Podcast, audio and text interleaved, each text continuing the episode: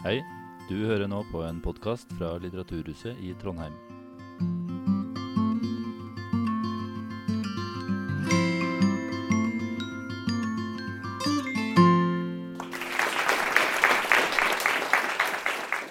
Sitt ned, sitt ned. Takk for det. Ok, har vi lyd? Ja. Velkommen til denne kvelden med Svein Tindberg, som altså ikke skal ha et foredrag eller en tros, trosbekjennelse, men det skal altså være en samtale om temaet mellom tro og vitenskap. Store ting, store ting. Svært store ting. Um, men denne serien som der inngår i, la meg si bitte litt om den. Fordi at jeg vil gjerne ha, drive litt reklame for det kommende program utover høsten her. Først ut om ei uke eller noe sånt, er Marie Antoinette Solli om gutter mot verden. Så er det har jeg nær sagt ingen ringer enn Åsa Linderborg. Det er svensken i norsken, dansken og svensken. De har hørt på dem. ikke sant? Altså Åsa, Åsa er en meget skarpskodd eh, kommentator. Og tittelen er da også 'Kampen om sannheten'. Og så får vi 'Musikanter uten grenser'. Serien heter jo 'Grenser'. Men da skal jeg være musikanter uten grenser, og det vil ikke være noen stor overraskelse at det er nettopp da Henning Sommero, Bjørn Alterhaug og Jon Pål Inderberg. Mus musikk uten grenser. Musikanter uten grenser. Så kommer Maja Lunde, kanskje kjent for noen i det minste. Vi starta med bienes historie og har jo skrevet flere og flere, og har nå skrevet sitt fjerde innslag i den, i den serien. Og det heter forresten 'Drømmen om et tre'. Men vi skal snakke den kvelden om håpet i dystopien. Altså håpet i alle disse uklare og vanskelige forestillinger vi kan ha om, om framtid. Altså. Og så er det Atle Grønn, som ikke skal snakke om sjakk. En skjønt Han vil sikkert også snakke om sjakk, men han skal først snakke om Ukraina og Russland. Han er jo eh, veldig kjent på det, og sjakken jo, er jo et kjent fenomen både i Ukraina og Russland. Ukraina og Russland, bakgrunn og historie. Og bortimot jul, eller i starten av desember, så vidt jeg husker, så er det Ella Marie Hetta Isaksen. Kjent fra Stjernekamp, og altså samisk aktivist, og, og på alle vis en dame i farta, altså. Under tittelen, som også er den tittelen på boka hennes, 'Derfor må du vite at jeg er same'. Så velkommen igjen, da. Er det vel det jeg prøver å si, da. Om kvelden så er det det å si. Her står det fra vaskeseddelen. Kveldens samtale tar utgangspunkt i Tindbergs refleksjoner om tro og vitenskap. Oi. Troens skjørhet og vitenskapens grenser. Hans undring over det ubegripelige, fysikkens mysterier og dens aktualitet for en åndelig tilnærming. Jeg tenkte også å kalle det her for altså, tro i, i kvantefysikkens tidsalder. altså. Okay. Hans tanker faller utenfor allfarvei, og han lar seg ikke lett plassere i noen trosretning. Hans forestilling 'Gudspartikkelen' trakk fulle hus under Olavsfestdagene, og samtalen er ment å utdype hans tankeverden. Men den skal også ta opp allmenne og eksistensielle spørsmål vi alle strever med, og hvordan vi lever våre liv. Det er ikke småtterier, altså. Jeg ikke fall av nå, for det var mye her jeg ikke skjønte heller. Nei da, Derfor så tar vi da hans personalie her. Svein Tindberg har vært skuespiller ved Det Norske Teatret gjennom en årrekke med en rekke sentrale roller, dessuten kjent fra fjernsynsteatret og filmverdenen. Det, det, det er masse mer å si. Han er også en produktiv forfatter. Parentes juleevangeliet, bibelfortellingen for barn og Drømmevandrer-trilogien. Og der er det vel alle tre her, kanskje. Alle tre. For barn. Mest kjent er han imidlertid for sine teaterforestillinger med utgangspunkt i bibeltekster. Markusevangeliet, apostlenes gjerninger, religionshistorie, Abrahams barn og forholdet mellom tro og vitenskap, gudspartikkelen, som da er, det er en øh, teaterforestilling, får vi kalle det. Eh, Tindberg har mottatt Bibelprisen, Brobyggerprisen, Petter Dass-prisen, Kritikerprisen og Hedda-prisen. Det neste blir vel St. Olavs orden, da. Det er ikke det naturlig? Det, det bruker å være gå den veien Jeg der. vet ikke om jeg har noe å si der, men jeg er for. Jeg skal nevne for etter velkommen.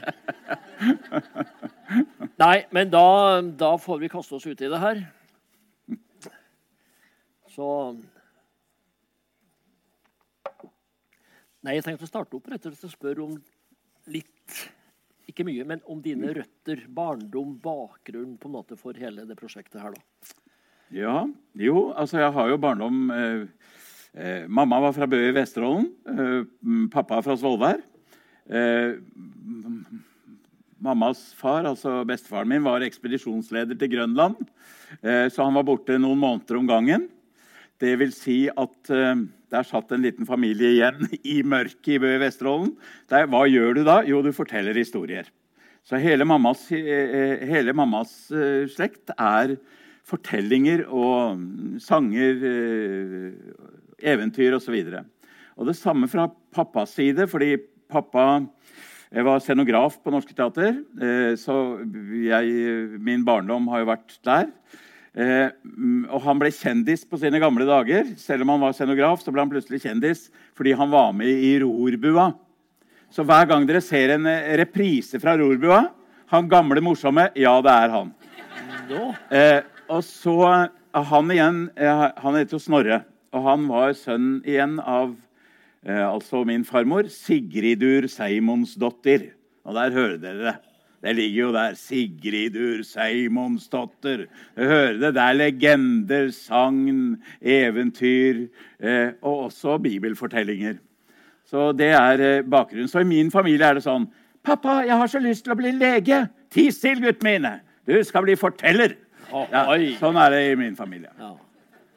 ja, og ikke mye religiøst å spore her, da, sånn i utgangspunktet? Nei, egentlig ikke. Jeg vokste opp i et hjem eh, Jeg vil jo ikke si eh, ja, altså Det har aldri vært noe engasjement mot religion, men det har aldri vært noe spesielt eh, altså det kulturelt med en og annen aftenbønn på senga og en og annen julegudstjeneste, men ikke noe engasjement mot det. Så det er, det er på en måte teatret som har brakt meg inn i det.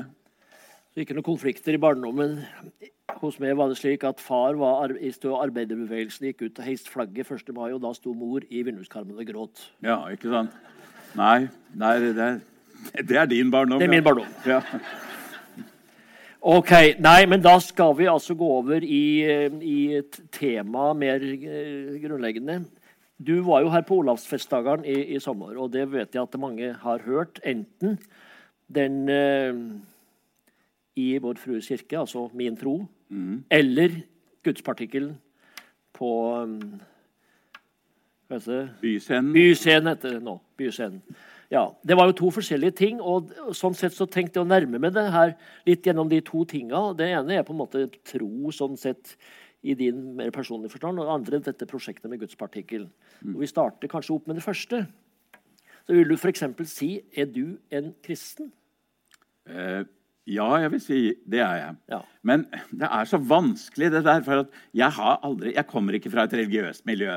Det er teatret og arbeid med bibeltekster. Rett og slett jobben min. Mm. Eh, første jeg skulle gjøre som hadde noe med det å gjøre, var Johannes i ordet til Kai Munch.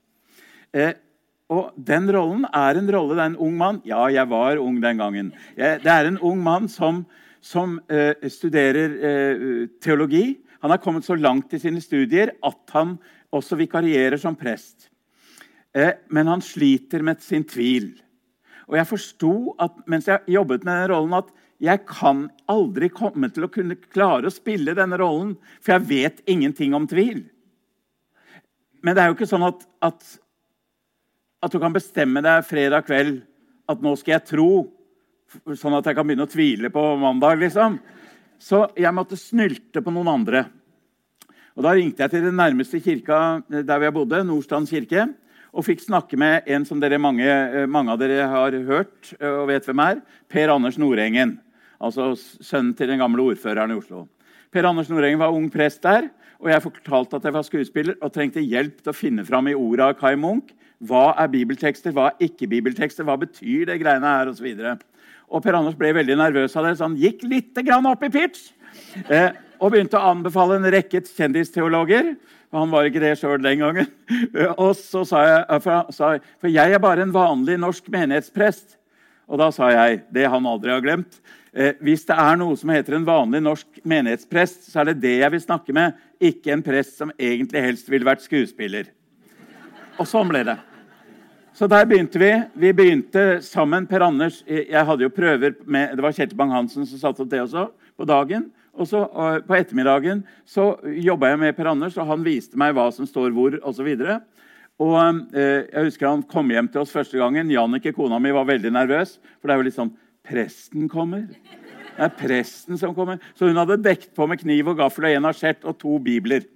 Eh,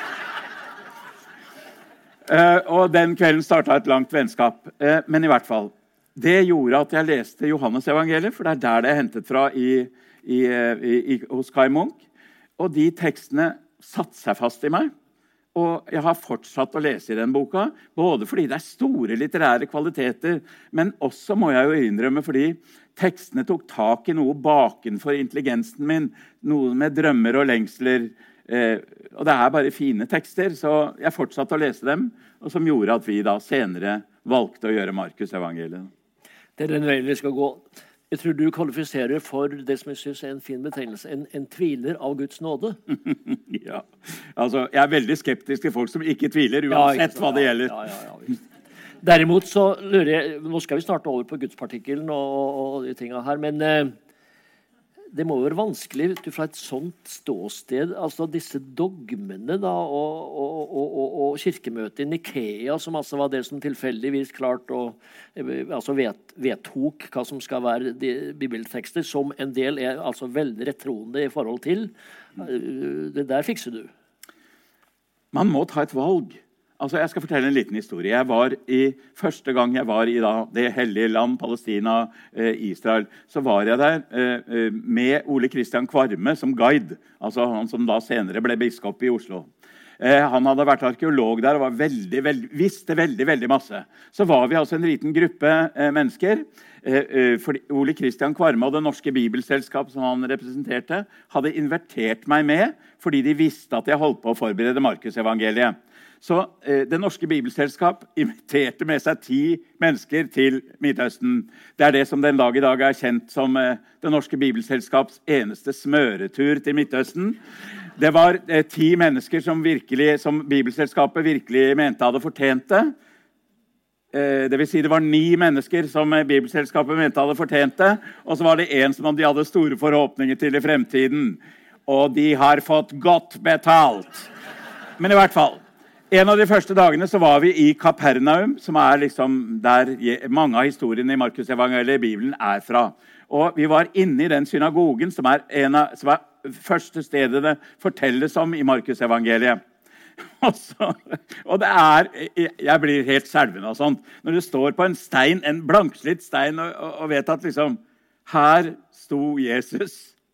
Og så står Ole Kristian Kvarme på den steinen og forteller ivrig og, og, og, og, han er ivrig. Det slutter aldri. Og så er det noe veldig komisk med en norsk prest med skjegg i, i kortbukse med litt sånne rødbrente legger. Så det, det, det, var noe komisk der. Og så fortalte Ole Kristian at så, så, gikk de ut herfra av synagogen og inn i det huset der hvor svigermoren til Peter bodde. Og Da begynte vi å le, og så var det en som sa for den neste historien i Markusevangeliet handler om svigermoren til Peter. Eh, så, så, men så begynte vi å le, så sa vi ærlig talt Ole Kristian Kvarme, du kan ikke vite om svigermoren til Peter bodde der eller der eller der. Så sier Ole Kristian noe jeg aldri har glemt. Nei, men ingenting er noe fint hvis du ikke bestemmer deg. Og, og, litt sånn er det her også. Det kan være sånn og det kan være sånn. Kanskje den burde vært med, og der var en slem politiker. og der var sånn. Men det er årtusener med tradisjon likevel. Og da bestemmer jeg meg bare for at det er den boka jeg forholder meg til. Da. Ikke bare den, men uh, likevel. Ja, da, like før Kirkegård her.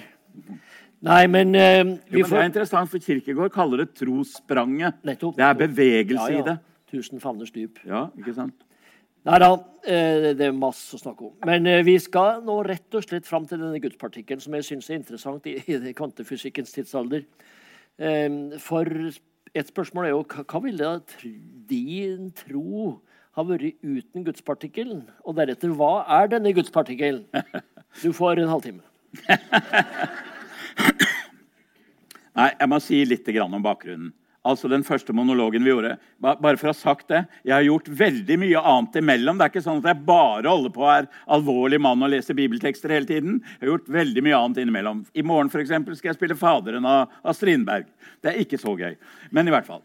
Eh, den første monologen vi gjorde, altså Markusevangeliet, den kan på en måte beskrives som det, det rene, det jomfruelige, det er det rene Jesu ord. Det er den enkle fortellingen. Den gjorde vi, hele fortellingen, uten å stryke et eneste ord, uten å føye til et eneste ord. Mens den neste apostlenes gjerninger er jo mye mer av en historiebok. Det er kristendommens møte med en verden utenfor. Den er mer politisk, handler faktisk mye om å skaffe penger til menigheten osv. Den gjorde vi litt frekkere som teater. for Der strøyk vi bare og flytta litt om på tekstene. Og så la vi inn små timeouts, altså hvor jeg kom med mine private betraktninger inni dette her. Eh, og så gjorde vi eh, eh, Abrahams barn. Og Abrahams barn er mye mer enn jeg-fortelling. Det er mye færre hellige tekster. Det er bibeltekster, korantekster og, og tekster fra jødiske Toran. men først og fremst er det en fortelling om mitt møte med disse tre store monoteistiske religionene. Men oppi dette her så Allerede på premieren på Abrahams barn så visste jeg inni hodet mitt at vi skal lage en forestilling til før vi gir oss, Kjetil og jeg. Og vi lover at vi skal gi oss nå. Jeg skal ikke komme tilbake med en ny monolog om ett år. Men, eh, og det skal handle om forholdet mellom tro og vitenskap. Og grunnen til det er at For livet blir jo bare til underveis. Det er ingenting i mitt liv som skulle si at jeg skulle være gjest i Trondheim i dag og snakke om bibeltekster. Altså, hvis noen hadde sagt det til meg på Tveita skole, så hadde jeg ledd høyt. Men eh, livet hiver oss nå borti ting. Og for noen år siden så skulle jeg altså spille eh, eh, Heisenberg, Werner Heisenberg i det stykket som heter Copenhagen. Det handler om eh, forholdet mellom Nils Bohr og Werner Heisenberg. Disse første fysikerne som holdt på med kvantefysikken, med atomfysikken. Sverre Anker Austdal og jeg skulle spille. Og det var jo vanskelig tekst, altså. Vi hadde med oss fysikere, og vi fikk folk til å hjelpe oss. For det er klart at Vi skjønte jo allerede da at vi kan jo ikke skjønne alt av dette her, men vi må jo vite hva vi snakker om. Og dette mitt møte Werner Heisenberg beskrives av Nils Bohr som det mest intelligente mennesket siden antikken. Og Jeg kjente liksom at jeg hadde litt å gå på der, da.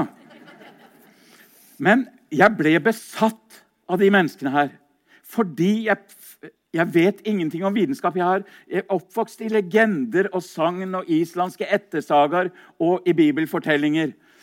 Men jeg vet ingenting om vitenskap. Eh, og om den realistiske delen. Eh, eh, realisten i meg er veldig liten. Men jeg oppdager for første gang i mitt liv noe som sikkert er selvfølgelig for mange av dere. Vitenskapens filosofiske sider. Og plutselig ser jeg at det er et slektskap mellom de folka her og meg. Fordi du leter etter, spørsmål, etter svar på de aller største spørsmålene. Hvem er vi? Hvor kommer vi fra? Fins det noe etterpå? Og så videre. Og plutselig så var livet mitt forandra sånn pga. en ny rolle. rett og slett. For plutselig leste jeg mindre og mindre i Bibelen og mer og mer sånne eh, eh, vitenskapelige artikler og bøker som er mulig for meg å fatte. Og her og der må jeg bare hoppe over, for jeg forstår det ikke. Men jeg fikk med meg en fysiker igjen eh, til å hjelpe meg. Og det på en måte Det avfødte tanken For det er to stemmer i meg. Jeg vil ha bevis, jeg òg. Jeg vil vite. Jeg vil ikke være mer dum. Og, og hvis, hvis, Gud er bare Gud i hullene, altså dekke over min uvitenhet, så er jeg ikke interessert i Gud i det hele tatt. Hvis Gud, min Gud bare er et uttrykk for min mangel på kunnskap, så er jeg ikke interessert. Så Derfor er det på en måte de to sidene i meg selv. Det ene som lengter etter sammenheng, som lengter etter mening, som lengter etter noe evig. Eh, og som tilhører den verden jeg lever i. Da. Det tilhører Shakespeare og Homer og, og ånd. Og den andre som skal ha to streker under svaret. Og må jeg velge? Det er utgangspunktet for Guds parti. Ja Er du ferdig nå? Du får lange svar. Det må du bare Nei, men, bare men det, det er mye, mer å si om det, tenker jeg meg. ja da, det. Nei, da, um, og nå merker jeg at jeg blir jo tatt litt på senga, jeg også. For eh, jeg har noen sånne interesser i år sånn, i retning av det der, slik at um, Kom med det. Ja, la oss ta det først, da. Mobor var jo, var jo mystikeren i det her, ikke sant? stilt opp imot Heisenberg. Er det ikke riktig? Jo. Og dermed så spør jeg det også fordi at Bohr har jo blitt tillagt nesten noe religiøst. Eh, i, I kraft av at han rett og slett innrømmer at det her er umulig å begripe. Ja. Mens Heisenberg var kanskje noe mer over på det at han prøvde å gjøre det her til et slags sånn vitenskapsteoretisk spørsmål. Ja. Mens Bohr sier det at nei, det er ikke det det handler om. Det handler om Og, han, og nå kommer det, altså. Mm. Han stiller mer spørsmål What is it like to be uh, uh, uh, hva betyr det egentlig å være en partikkel? Ja. Og han utvikler jo nærmest en, en teori om bevissthet. Mm. Og de tør jo nesten ikke å si det, ikke sant? for det er et så vanvittig sprang i noen forestillingsverden. Mm. Men det er jo der han havner, altså i, i en slags bevissthet i all, i all materie. Og så kan du få supplere. Jeg har aldri hørt om dette. Jo, nei, nei, jeg skal ikke tulle. Jo, altså. bordet Bohr og Heisenberg. Der sitter de hjemme på kjøkkenbordet, og så konstruerer de et rør eh, eh, som de eh, Som, som vakuum inni der. Og inni der begynner de De kaller det syklotronen. Det er litt sånn hjemmelaga. Og så inni der skyter de partikler, elektroner, for å prøve å studere dem. Det røret der det er det som er fem mil eller fire mil og ligger under bakken i Cern. Det var der det begynte, de gutta hjemme på kjøkkenbordet. Men så kommer det som var et sjokk for meg. da. De studerer elektronene, men så sier de men elektronene syns ikke. Du kan ikke se elektronene. Du vet ikke om det er der engang. De, de klarer faktisk å si elektronene er ikke der når vi ikke ser det. Så for å se det så må du la det kollidere med et eller annet. Enten med et annet elektron eller med partikler av vanndamp. Eller du må belyse det. Og i det øyeblikk du belyser elektronene, så, så flyr en helt annen vei. Og i det øyeblikk du lar det kollidere med en partikkel av vanndamp, en helt annen vei. Med andre ord den som sitter og observerer, endrer det han observerer. Og da plutselig gikk det Altså, Da ble jeg kvalm og svimmel. For det betyr jo til syvende og sist at det ikke fins noe som heter objektivitet. Hvis det vi betrakter, endrer seg ved at vi betrakter det. Og disse konklusjonene sitter disse gutta her og, og Jeg trodde bare de holdt på med matematikk. Ja, Så det var der jeg følte et slags slektskap. Ikke i deres intelligens, langt derifra, men i måten å lete på. Prøv å snu om på det som er vedtatt, som vi prøver på på teatret. Prøver å eh, aldri sensurere en idé. For en dårlig idé fører til en veldig dårlig idé. Som fører til en helt forferdelig dårlig idé. Og plutselig bare er der. Bare har du det. Og det er måte å samarbeide på. Bor Heisenberg. Og det er måten å samarbeide med, på mellom Kjetil Bang-Hansen og Svein Tindberg. Helt uten sammenligning. Men allikevel så følte jeg et slags i respektfullt slektskap med de gutta her. Ja. Men bevissthet kan vi snakke mer om etterpå. Ja, kanskje. Det, det er jo et stort tema, men, men det er et veldig stort begrep. da. Ja. Nei, men jeg tenker på Bertrand Russell var jo heller ikke noen uh, smågutt. Han sa jo det som jeg syns er fantastisk når det gjelder materie, så har vi ligninger for alt. Vi har ligninger for alt for å forstå det. Men vi aner ikke hva materie er. Det var Bertrand Russell, altså. Og det er jo beslekta med, med det du tar opp. Nei, men jeg tenker også på uh, noen grenser å gå opp i det landskapet her, da. fordi at det er klart vi, vi, vi støter ganske fort imot noen grenser. Så for så spør jeg hvis vi sier at en fellesnevner for det vi nå snakker om, er en slags sånn åndelig nysgjerrighet, da, undring. Ja. Og så vet vi at det av og til kan ha gått, om ikke galt, så iallfall har det gått i, i jeg tenker på New Age-bølgen på 80-tallet. ikke sant? Altså Der det der en også snakka om nye paradigmer og, og var nesten i, i kvantefysikkens ånd, altså, men som samtidig utvikla seg til masse rariteter av okkulte eh, bevegelser og, og helt eh, så, så ser du noen fare for at, at vår, si, vår lengsel kan utarte til slike fenomen?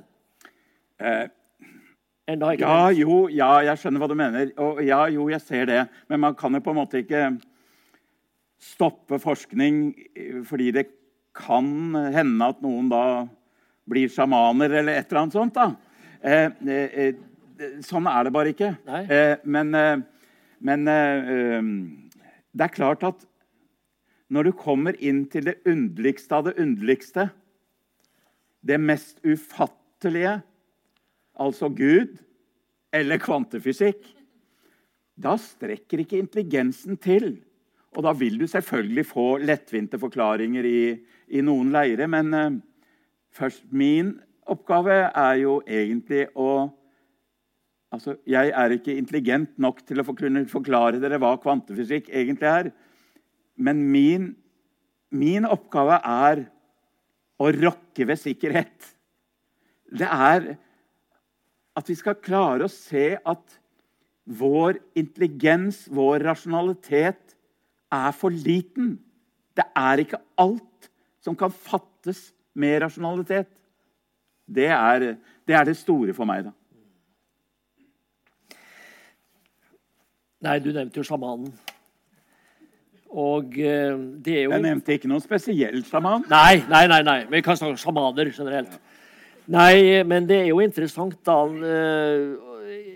Jeg har også ytra meg om det der. altså, Hva er egentlig forskjellen da imellom la oss si, altså, kristne dogmer av typen oppstandelse fra de døde og under der, og sjamanens under om å snu på partikler, og, og hans medaljong her nå da for å helbrede sin, eh, sin Var det covid? Ja. Det var det, ja. Så hva er forskjellen? Nei, For meg er det jo en verden av forskjell. Altså, det er jo veldig lett å bevise at en medaljong ikke kurerer covid. Eh, det, religion må være litt større enn det, synes jeg, hvis jeg skal ha noe interesse for det. I det hele tatt. I hvert fall hvis du selger medaljonger på hjemmesiden din. Så eh, ja, da ja. Men på den annen side så kan du si at jeg med min rasjonalitet, og også Kirken i sin måte å behandle eh, andre former for religiøsitet, altså nyreligiøsitet, eh, eh, kanskje er litt små òg. Altså at eh, eh, Vi har jo veldig angst for, eh, for å ikke ha rett. da.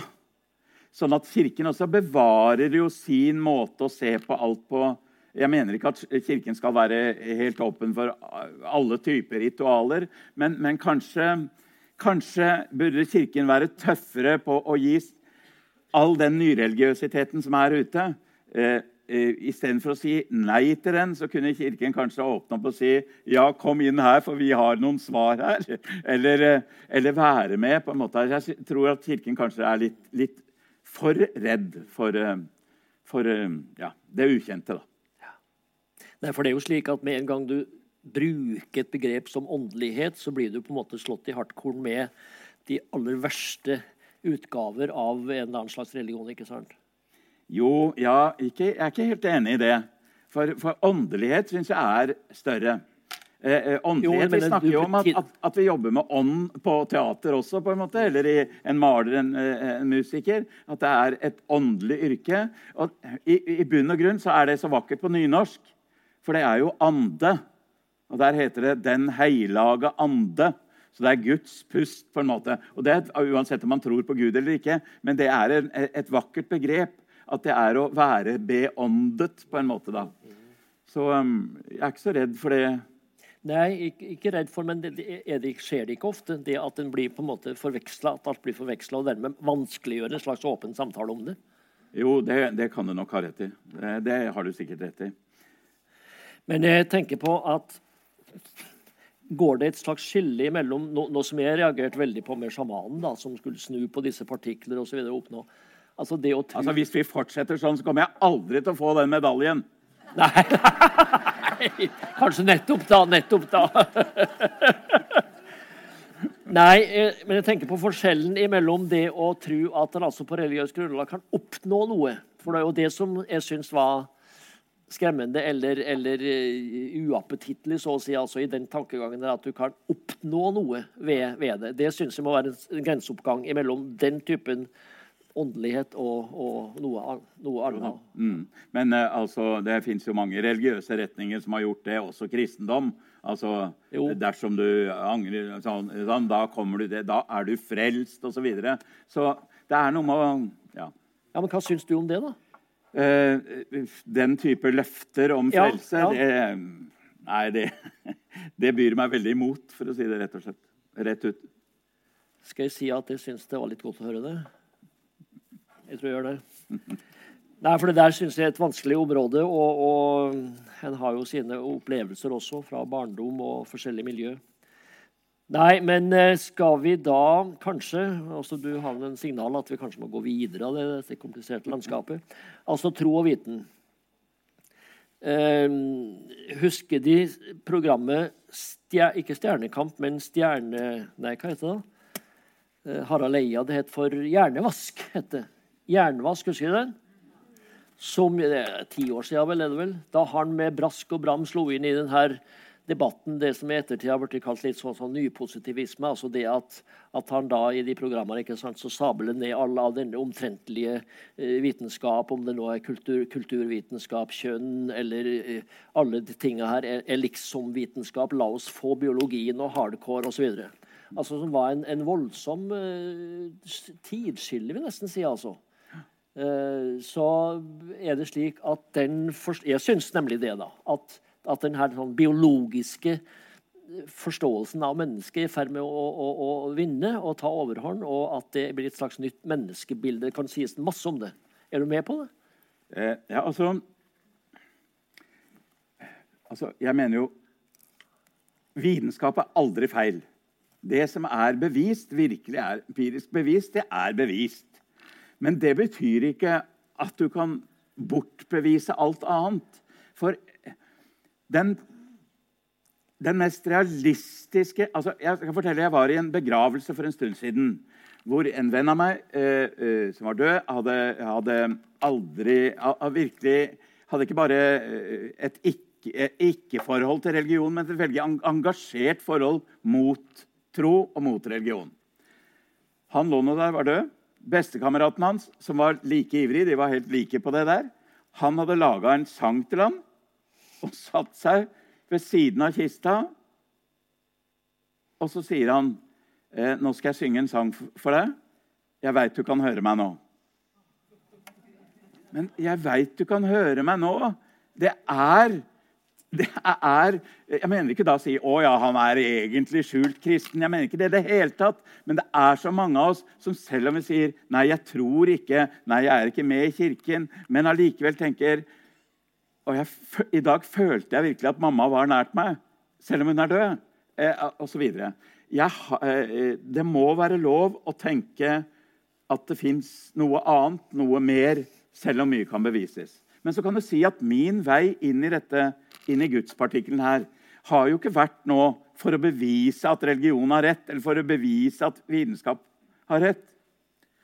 Men jeg tok et års permisjon hvor jeg bare holdt på med fysikk så langt jeg kunne fatte det. da. Og jeg merket jo at underveis i arbeidet mitt så bleknet Gud for meg. Tanken om Gud.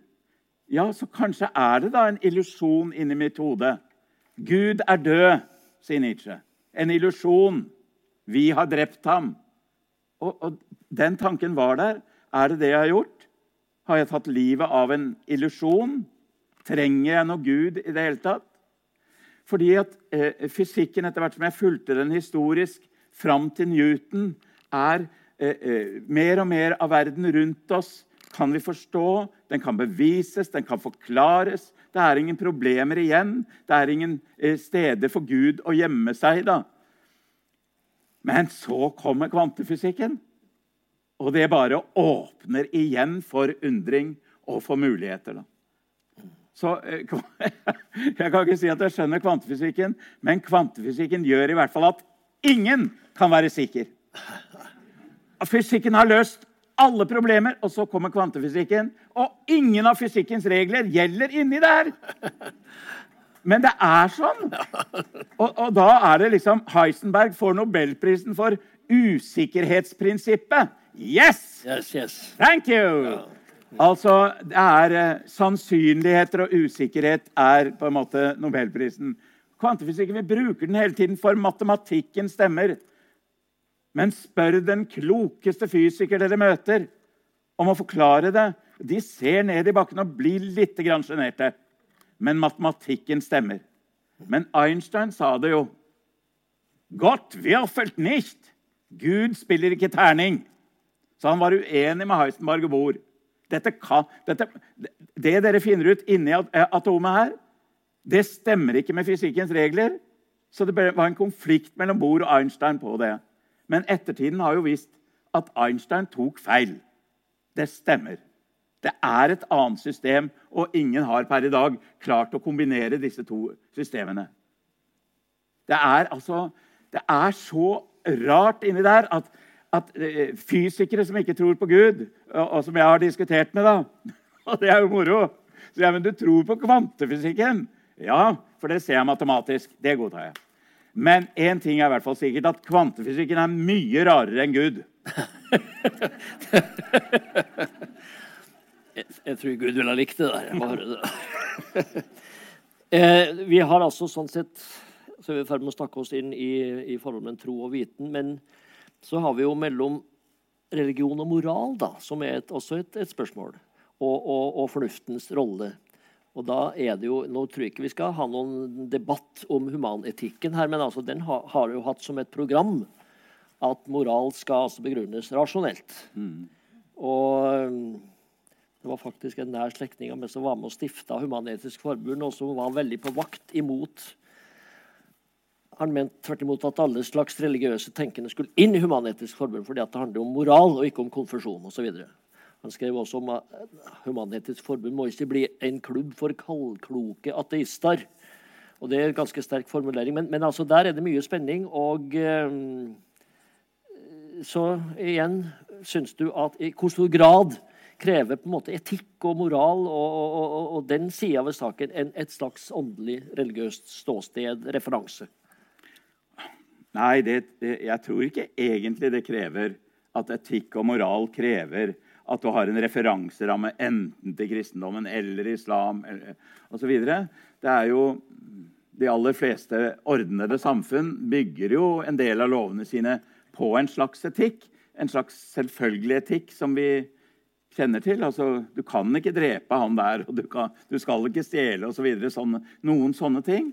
Eh, men så er det jo klart at eh, religioner og samfunn og kulturer har laget seg eh, moralske eller moralistiske lover som tjener eh, f.eks. å holde folk nede, eller tjener for å holde kvinner nede osv.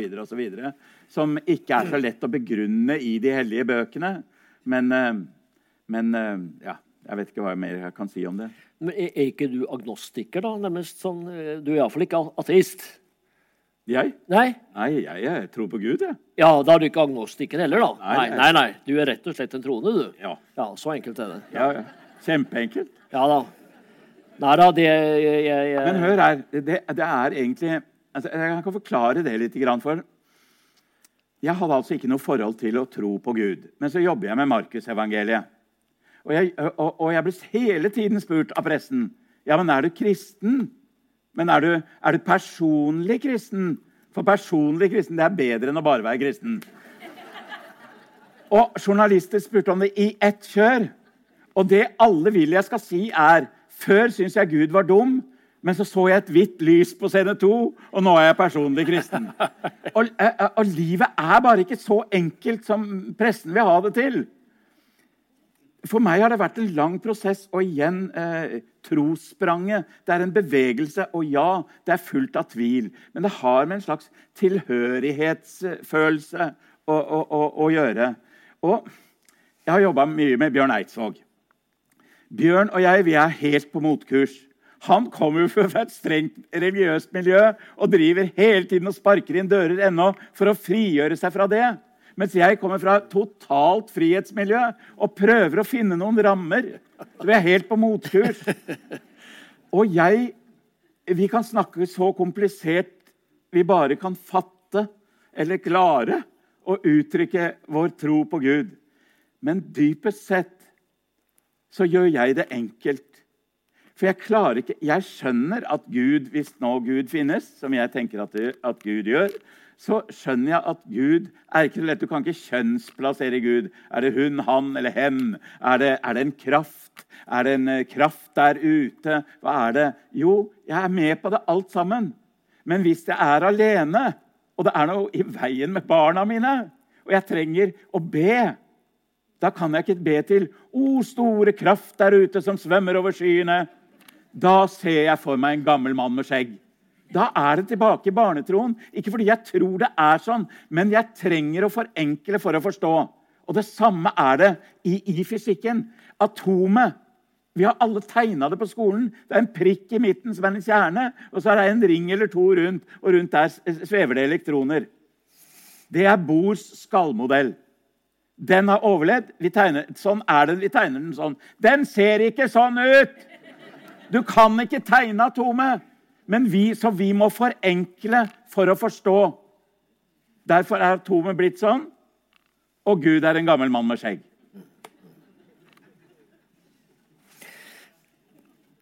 For å forlate pressen. Dagbladet har jo hatt som en slags regel at de er imot kvinnelige prester, men, nei, de er imot prester, men de er for kvinnelige prester. Ja. Så pressen kan Men nå er det ingen mannlige prester igjen, så Nei, det er er jo ikke noe problem. Eh, nei, men koker det ned til å bli noe sånt som altså i stedet for et motsetningsforhold mellom fornuft og viten, så er det mer snakk om å utvide våre forestillinger om fornuft. En del filosofer vil jo Ja, eh, tenke ja, sånn. Både, både å utvide eh, det, men også å innrømme at alt er ikke fattbart. Alt er ikke mulig å få til å forstå i vår hjerne. Jeg, jeg, jeg møtte altså Hans Herlov Grelland, fysiker. Kvantekjemiker. Jeg vet ikke engang hva det er. Men Angela Merkel er også det. Kvantekjemiker. Jeg så et innlegg av han på Facebook, og han skrev utrolig vakkert eh, om skjønnheten i kvantefysikkens eh, eh, matematikk. Og jeg tenkte skjønnheten i matematikken i kvantefysikk Jeg tenkte bare den mannen er gal, jeg må snakke med han. Så ringte jeg han og spurte, og han bodde da i Grimstad. Eh, jeg googla han. Professor emeritus Hans Herlov Grelland. Og emeritus er jo ganske bra, ikke sant? Professor emeritus Hans Herlov Grelland ved Universitetet i Agder. Professor i kvantekjemi med universitetslektorkompetanse i filosofi. Spesialfelt Søren Kirkegård, Sartre, Heidegger, Wittgenstein og prinsesse Elisabeth av Bøhmen. Og da tenkte jeg bare Av Bøhmen, yes! Jeg må snakke med den mannen. Og han har jeg truffet flere ganger. Han er, han er eh, lav, eh, spist skjegg, litt sånn Buffalo Bill, pertentlig, utrolig intelligent og fantastisk å møte. Og han sa Jeg har det på mobilen på opptak. Det er helt sant. Han prøvde å forklare meg elektronene. Et enkelt elektron kan være både bølge og partikkel samtidig. Det kan ha flere hastigheter på én gang og gå i forskjellige retninger på én gang. Så én enkelt partikkel kan altså gå én vei og motsatt vei samtidig. Og det er en sannhet. Det nytter ikke å si det tror jeg ikke noe på, for matematikken viser det. Det er ikke fattbart. Det er ikke fattbart, men det er sånn likevel. For å si det sånn det frigjør meg. Det frigjør meg til å tenke at jeg er ikke skaperverkets toppunkt. Det fins noen andre greier òg. Ja, men Vi er jo sånn, vi er så opptatt av selvet, av oss selv, hvem vi er, realisere oss selv. Vi er små i en stor sammenheng. For meg er ikke det skummelt. For meg er det frigjørende. Jeg kan ikke fatte alt. Noe må jeg overlate til Ja, jeg hadde en følelse av at mamma som er død, var til stede i dag. Jeg aner ikke hvorfor, men hun var der nå likevel, da. Eh, og eh, ånd, sjel eh, og eh, ja, elektroner som går i to forskjellige retninger samtidig. Skal vi så smått begynne å gå inn for landing her, men vi skal snakke, snakke litt om Ja, men vi må snakke litt mer om bønn. Ja. For du, jeg vet at du, at du ber, men eh, enda en gang, da Er, Tror du på bønn for å oppnå noe? Nei. Eh, jo, det gjør jeg. Men jeg tror ikke at du kan eh, Jeg tror ikke at den som er flinkest til å be, får mest igjen, liksom. Og, eh, og jeg tror heller ikke Altså, det er ingen rasjonalitet i det. Jeg kan ikke forklare hvem Jeg, jeg bare veit at jeg trenger det sjøl, da. Eh, jeg trenger når, eh, når jeg er om bord i flyet, og det plutselig detter ned, wow, ned sånn Jeg blir så redd. Og da kjenner jeg bare inni meg at jeg sier, 'Kjære Gud, hjelp meg litt grann nå'. Og når jeg kommer ned på bakken, så tror jeg ikke på Gud lenger. Jeg tror bare på Gud når jeg er der oppe. Og på en eller annen måte så tok jeg konsekvensen av det en dag. For det er ikke lov. Du kan ikke liksom tro på Gud hver gang du virkelig er i nød, men så ikke tro på Gud når du har det fint. Så derfor sa jeg til meg sjøl OK, jeg tror på Gud. Jeg tror på Gud hele tiden, liksom. Eh, men jeg tror ikke at, at den som ber mest, mest eller best, oppnår det. Det ville jo være grusomt. Redd barnet mitt så, dø, så, overlever det barnet, men det barnet dør. Det vil jo være helt forferdelig. Er det fordi han ikke kan be på samme måten? Selvfølgelig er det ikke sånn. Men det er et sted å ja, Nå høres det ut som jeg driver og reklamerer for bønn, men altså, det fins ikke en centimeter i meg som er misjonær. Jeg blåser helt og holden til hva dere tror. Men jeg er nå invitert til å snakke om det hva jeg tror her. Jeg, når jeg skal spille i Gudspartikkelen neste gang nå. Så står jeg bak et svart teppe. Ute i salen sitter det 150, 200, 300. Sågar nå i, i Kristiansand var det 800 mennesker der ute. Det er klart jeg er redd. Da er det viktig for meg å konsentrere meg, sånn at jeg ikke tar av. Og da kan jeg si til meg sjøl Svein, nå må du huske på at du holder deg litt nede i dag. Eh, og, og og jeg håper, at, jeg, håper at, eh, at, jeg, eh, at, jeg, føler meg trygg der inne. Jeg håper at jeg finner dem, at vi blir venner. Eller jeg kan si, 'Kjære Gud, hjelp meg i dag.' Eh, for nå er jeg redd. Hjelp meg nå. Hjelp meg å, å være trygg i teksten. Hjelp meg å ikke løpe fra dem, osv. Jeg skjønner jo med intelligensen min at det er det samme. Men det i bønneformen så gir jeg på en måte litt fra meg et ansvar. Alt er ikke min skyld. Jeg har gjort jobben min, Gud. Nå får du hjelpe meg med resten. Og det er frigjørende for meg. Og Jeg sier ikke at nå må alle gå hjem og begynne å be, men, men det funker for meg, da. Altså, Jeg har jobba med Markusevangeliet i mange år. Jeg har jobba med masse store tekster. Masse store tekster. Shakespeare, Tsjekhov, Dostojevskij Alt mulig. Men forskjellen er jo at Markus påstår at teksten er sann. Han påstår at helten er sønnen til Gud og ikke Supermann. Og så spør han liksom Hva tror du da, Svein? Og jeg bare skyver det bort. I år etter år. Jeg blåser i det, da, Markus. Jeg fremfører teksten, og jeg ser ikke på meg selv som en misjonær. Jeg fremfører en kjempegod tekst. Eh, og jeg har respekt for den. Jeg har undring i forhold til den. Ja, men tror du på det selv? Så jeg, jeg blåser når jeg Så kommer presten også, men er du personlig kristen? Og, så og sånn holdt det på. Og på en eller annen måte en dag så sa jeg ja, jeg tror i grunnen på det. Og så spør folk meg ja, men tror du på de barnslige tingene òg. Tror du liksom at han gikk på vannet og, og sånn? Eh, ja. Altså, Hva er vitsen med Gud hvis han ikke kan få til å gå på vann engang? Jeg har sittet ved siden av kona mi som har født to barn. Og så skulle det å, være, gå på vannet liksom være noe triks? Nei, det, de tingene der syns jeg er veldig lett. Og det er, det er farmor og barnetro, rett og slett. Du nevnte jo Ordet og Kai Munch. Mm. Og du har spilt. Du har spilt. Eh, der er det jo en oppstandelse fra de døde forårsaka av dette troende barnet. Ja. Veldig sterkt motiv. Ja, veldig. Og eh, da, eh, sist jeg så, også, tenker jeg liksom på det at Hva er det som på en måte er mest kristent, religiøst, da, åndelig? Det å akseptere til og med at døden fins, og at vi noen, noen hver må regne med å nær sagt når som helst. Og, og, jeg tror det gjelder alle, faktisk. Jeg, jeg har forstått det sånn, jeg også. Ja da. ja. Nei, og, og, på den andre sida tru at en altså kan vekke eh, ved sterk nok tru fra de døde. Det, det, det, er en veldig sterk konflikt i det der. Jeg tror at det er ikke det Kai Munch skriver om. Jeg, altså, han lar undre skje. Og Det som skjedde med Kai Munch, var at han var prest altså, han gjør i dette stykket, som du sier, den unge kvinnen dør. Og eh, denne presten som jeg da spilte, den prestelærlingen, som da er blitt en slags Kristusfigur, vekker henne rett og slett opp. Kai Munch var prest i Danmark. Så forteller han at han, under, eh, at han skulle eh, få, uh, ha en begravelse. Heter det 'ha en begravelse'? Ja. Eh, det var en ung mann som var død. Nei, det var en ung kvinne som var død. Og den unge mannen sørget da Kai Munch forklarte mer enn vanlig.